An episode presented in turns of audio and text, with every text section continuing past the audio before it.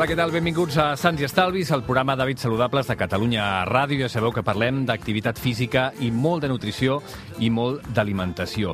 Avui barrejarem els dos conceptes perquè serà nosaltres el dietista, nutricionista, expert en nutrició esportiva, Jaume Jiménez, que ens parlarà d'una de les polèmiques últimes que hi ha al voltant de l'entrenament. És útil o és interessant o és possible entrenar sense haver esmorzat? És compatible el dejuni intermitent amb l'esport? En parlarem avui amb el Jaume Jiménez.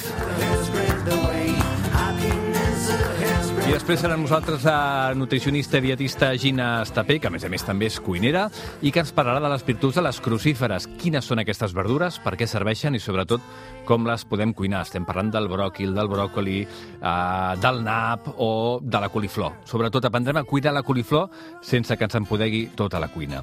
Recordeu que tenim un Instagram per eh, veure totes les receptes del programa i més informació a arroba sants i estalvis. Moltíssimes gràcies per ser-hi. Comencem. I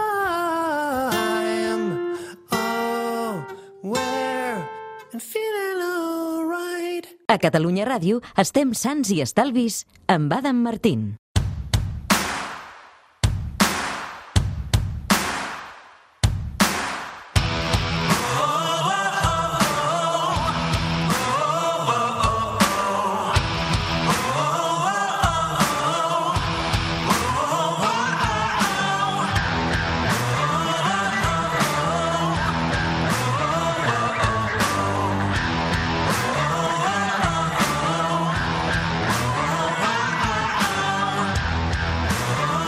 A la secció de nutrició esportiva amb Jiménez, bona tarda.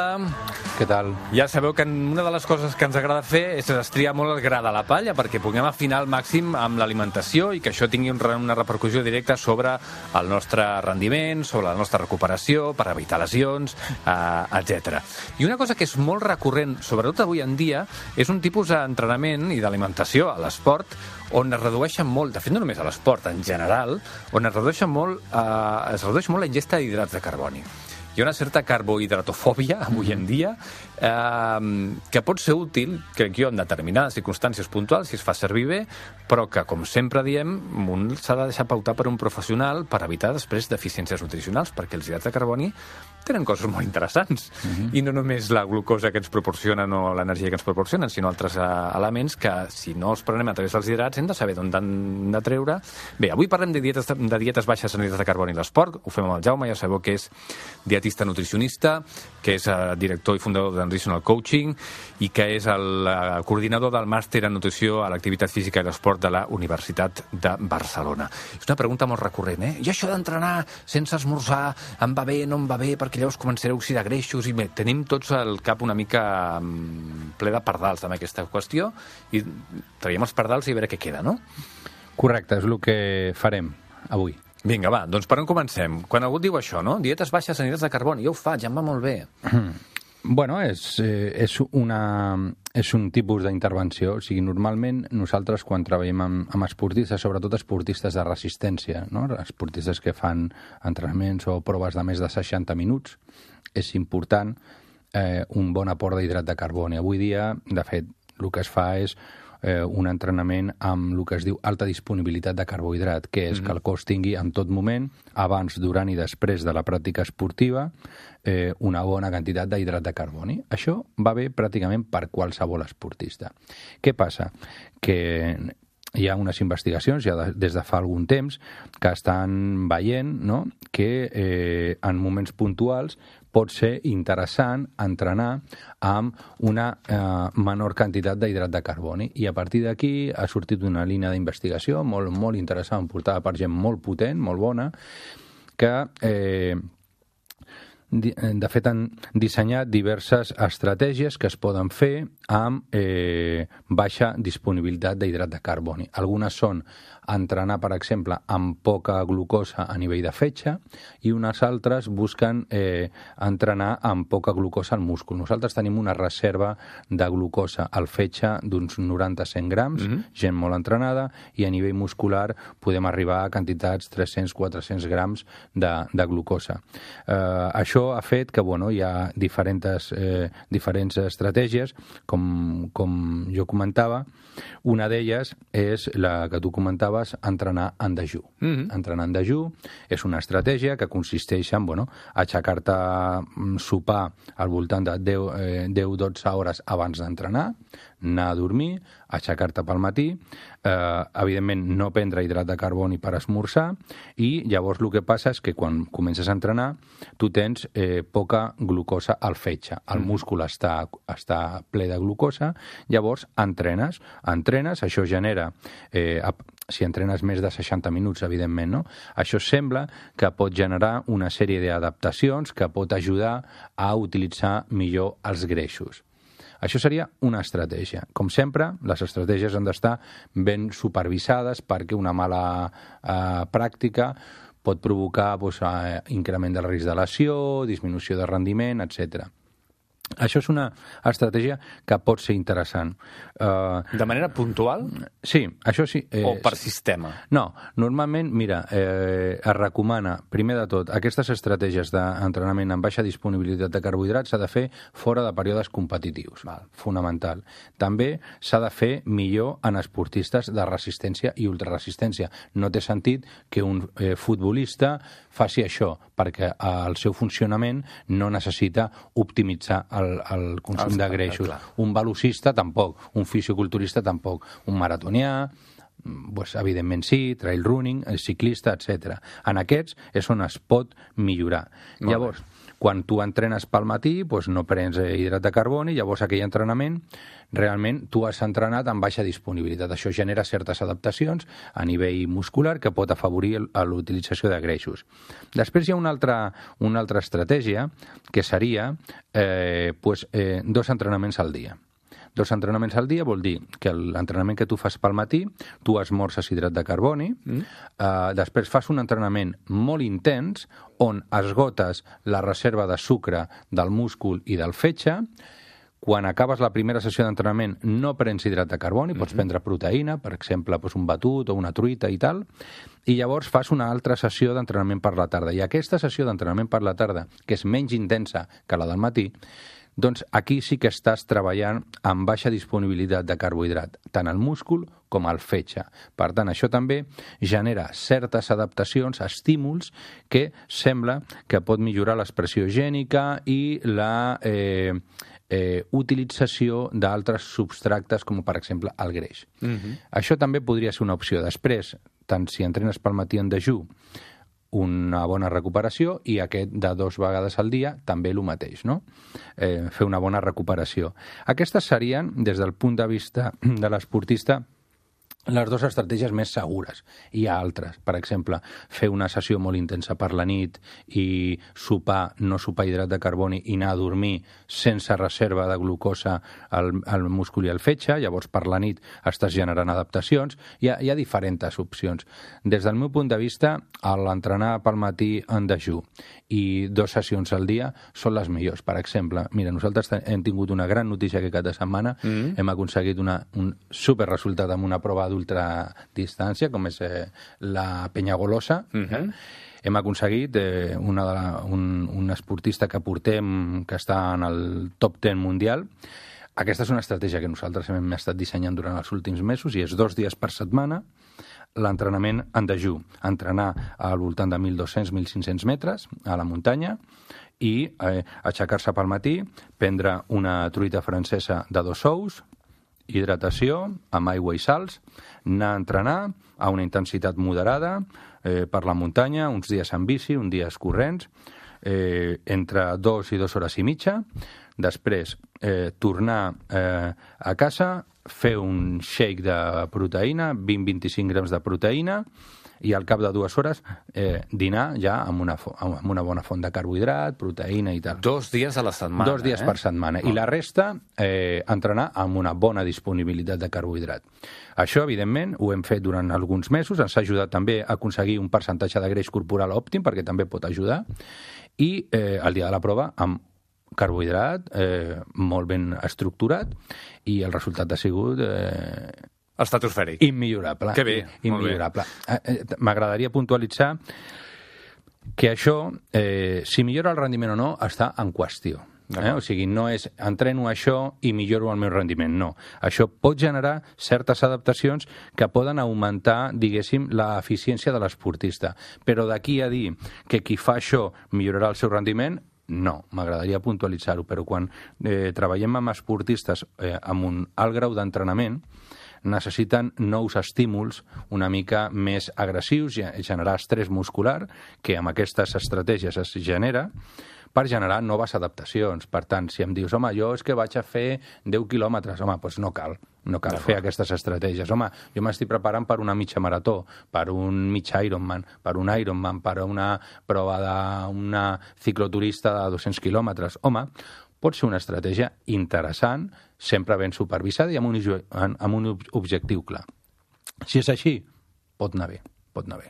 D'acord, ho dic perquè, clar, tots ens agrada emmirallar-nos en els esportistes d'elit, no?, perquè són els nostres models i els volem imitar, però, clar, com que no els imitem en el volum de feina que fan cada dia, tampoc els podem imitar amb les estratègies alimentàries que fan, no? Exacte. O sigui, que la gent eh, fem, fem És que eh, suposo que tu trobes, no?, que està molt estesa aquesta idea de que s'ha sí. de fer, i a més a més s'ha de fer sempre, entrenar sense ah. hidrats de carboni, no?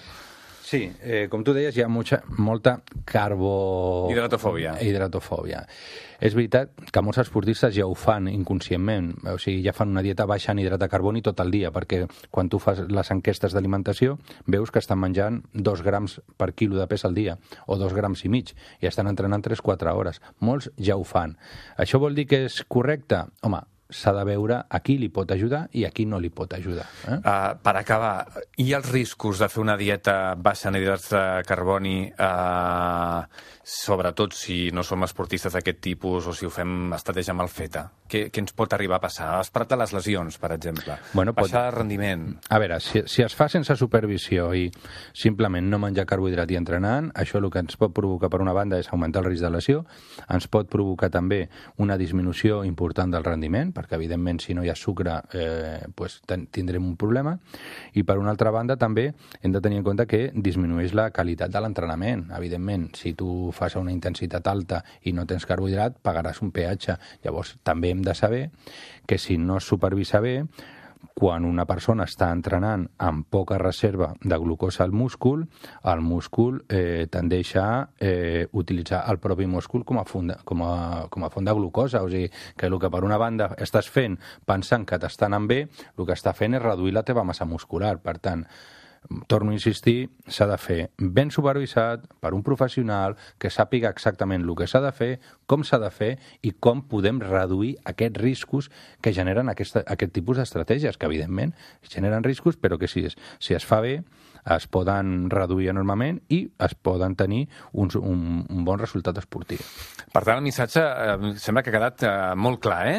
És una bona estratègia, sempre en mans d'un professional que t'expliqui com s'ha de fer de manera correcta, de manera puntual, per tant, potser no serviria per sempre, però sí si es fa una bona estratègia dos cops a la setmana, mm. entrenada en aquestes condicions amb baixa disponibilitat d'hidrats de carboni, i, i repeteixo que això t'ho expliqui com s'ha de fer un dietista nutricionista especialista en nutrició esportiva, mm. sobretot. I vigilem amb qui volem imitar, també, no? Perquè mm. no tots som Kilian Jornet, ja ens agradaria, però només n'hi ha un, i per això és qui és, i nosaltres, doncs, eh, som uns altres, i ja està. Jaume Jiménez, moltíssimes gràcies. A vosaltres. A Catalunya Ràdio estem sants i estalvis amb Adam Martín.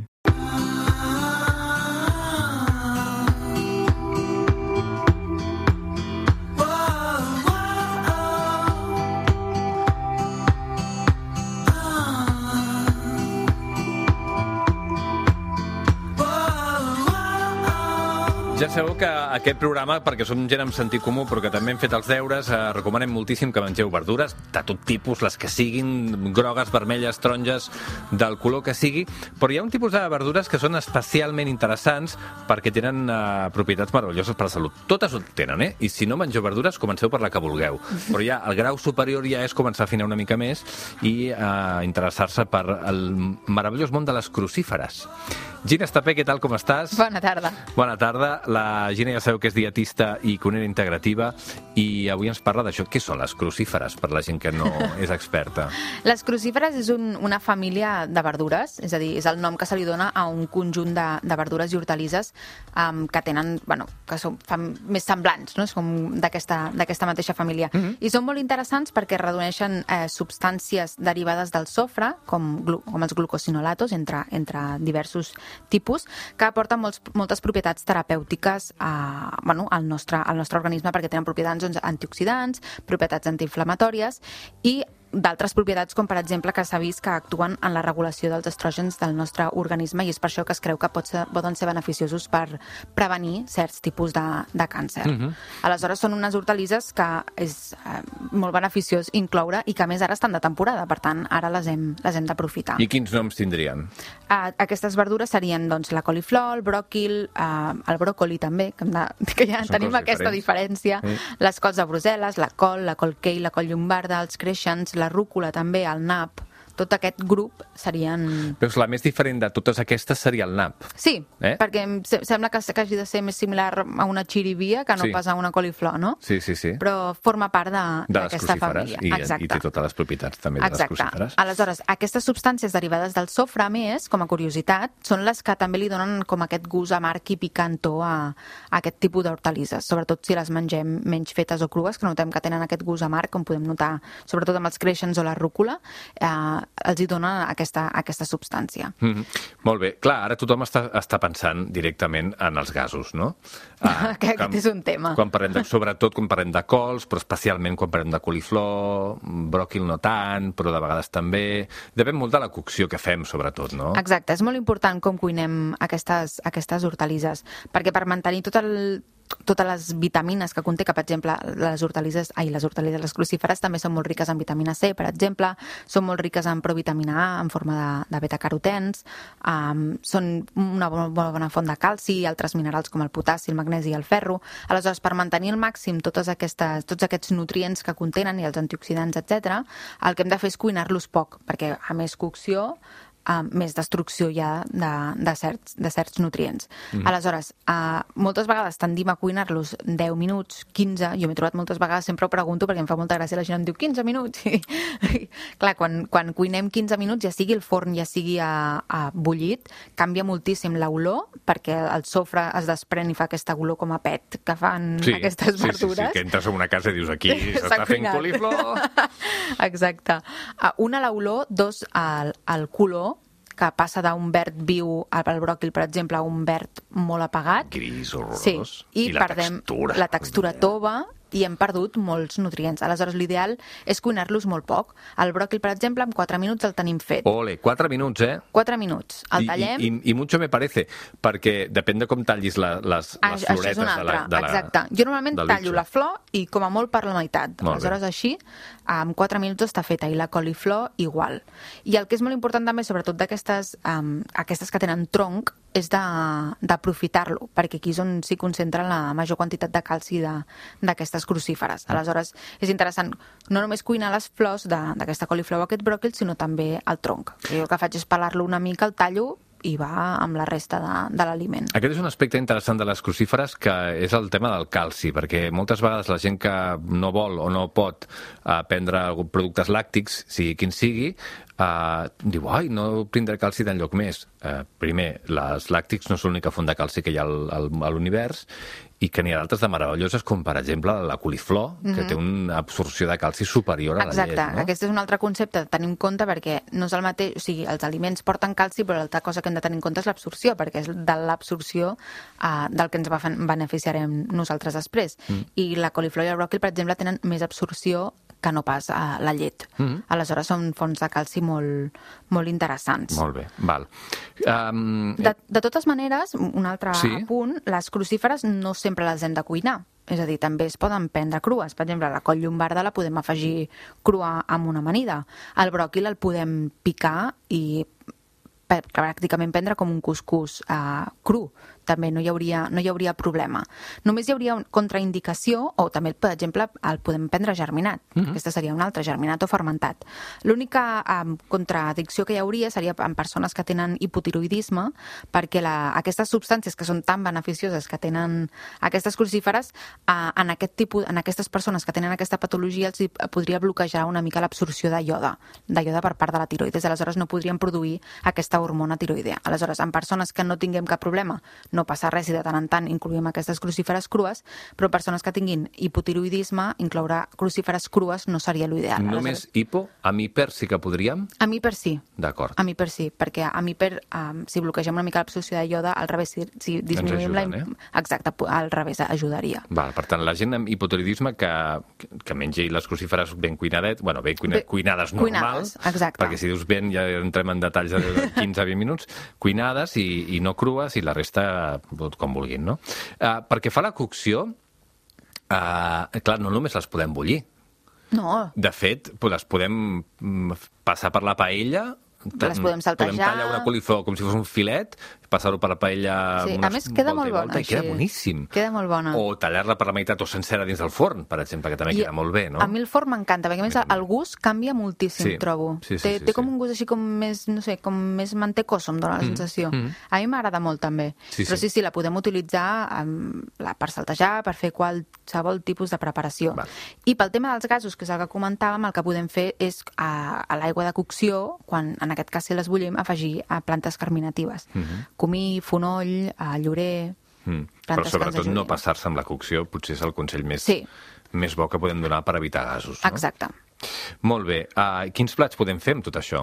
Mira, us donaré idees, a, a banda, perquè tots sabem preparar una crema, tots sabem preparar um, un saltejat amb coliflor, però anem a buscar idees així una mica més curioses. La primera seria fer una truita de ceba i coliflor. És a dir, en comptes de la patata, hi posem coliflor. Oh. En aquest cas, per això, jo sí que potser primer l'escaldo. Està fent ràbia no haver, no haver pensat mai en això. Queda Perquè- molt bona, Sí, queda sí. molt bona.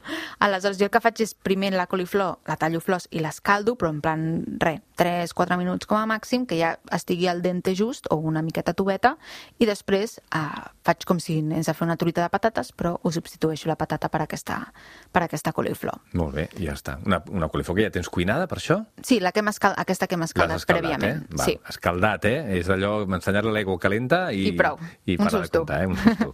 Molt Després, un altre plat, per exemple, amb cols de Brussel·les, que les cols de Brussel·les és la típica crucífica que no agrada a ningú. A mi m'encanta. però perquè la cuinem malament. I és perquè això, perquè fem unes coccions llarguíssimes, fan pudor i no ens agraden. Però una, unes cols de Brussel·les tallades així per la meitat i al forn amb una mica d'oli i espècies, que es queden com torradetes, un, allò, un punt cruixent per fora, queden boníssimes. I barrejades, per exemple, així amb carbassa i una mica de magrana i unes ametlles per sobre, també queda, és un plat que queda, que queda molt bo. Si fessis unes cols de Brussel·les al forn, no passarien per, per aigua abans, eh? Directament, Directament. les talles per la meitat Sí, sí, sí. i les poses al forn. Sí, les unto una mica d'oli i una mica d'espècies. A una temperatura que de 180... 180, sí. 180 I i, potser uns... una mica. Sí, normalment amb 15 minuts, 20, jo crec que estan, Val. estan fetes. Molt bé. Una altra recepta seria fer arròs de coliflor amb verdures, que és una altra manera de menjar la coliflor, que la coliflor la netegem bé, la triturem fins a aconseguir que quedi doncs, disminuïda en mida de, de, de grans d'arròs i aquesta, aquest arròs de coliflor el podem sartejar amb tot tipus de verdura, li podem afegir alguna salsa i queda, queda boníssim. I és una altra manera de menjar, de menjar la coliflor. Tal qual, eh? Com si fos un... Molt bé. O Sí. un cuscús, també, o un, no? O un cuscús, exacte. L'altre seria, per exemple, una, una recepta que ja tenim a l'Instagram de Sants, que va ser de les primeres, primeres, primeres, que és una amanida tèbia amb dos textures de bròquil. Mhm. Aleshores, el, el bròquil eh, el podem escaldar i després la, la meitat d'aquest bròquil el triturem amb oli i sal, fem una salsa i això ens pot servir com a base de- d'una amanida així més tèbia. Seria una altra opció. Molt bé. Uh, una altra opció, per exemple, amb un altre tipus de, de crucífera seria fer una amanida amb rúcula, coll llombarda, ben, ben picadeta, pastanaga, albocat, poma i nous, que és una combinació també que queda molt bona. O després també podem fer un hummus amb qualsevol d'aquestes crucíferes. Per exemple, podem cuinar coliflor, podem cuinar el bròquil i després en podem fer un hummus. El, el bròquil faria de cigró o hi afegiríem cigró? Es pot fer de les dues maneres. Pots fer que el bròquil o la coliflor siguin el cigró i afegeixes doncs, la taïna, el suc de llimona, l'oli, etc. O pots posar la meitat de cigró i la meitat d'aquesta verdura. Val. I també queda o molt sigui, bo. seria un, un, seria un humus normal afegint-hi la crucífera Exacte. o, O substituint. o, o substituint, substituint el cigró, que normalment és el cigró, per, per la crucífera. Molt bé. I les cremes, que tu has dit, no, tots sabem fer cremes. uh, clar, la, poca gent fa crema de bròquil, per exemple. I també és una I, opció. I queda molt bona. I la crema de nap, per exemple, a mi m'agrada molt, també. Les meves filles l'audien, però tant se val. A mi m'agrada molt. De molt fet, la, bé. la recepta que portava avui és, és una crema. Ah! Perquè també bé. és així més curiosa, potser, i...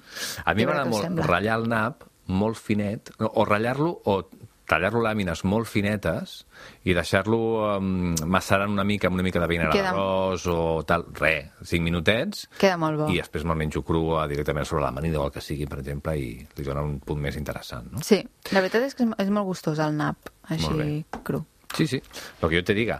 Molt bé, perfecte. Doncs eh, aquestes són les recomanacions que feia avui la Gina sobre crucíferes, que si no les sabíeu, ara les sabeu. Són totes aquestes plantes de la mateixa família, de les brassicae, eh, d'alguna Exacte. manera. Ja ens posem encara més, més, Més tècnics. més tècnics, però estem parlant de la família de les cols, que això inclou, perquè en realitat són tots la mateixa planta, en moments diferents de germinació i que fem coses diferents, però estem parlant de bròquil, estem parlant de coliflor, estem parlant de les cols, de les cols de Brussel·les i del nap i de la col kale i de tot Exacte. plegat, eh? La col arrissada i aquestes històries. Tenim recepta? Tenim recepta. Vinga.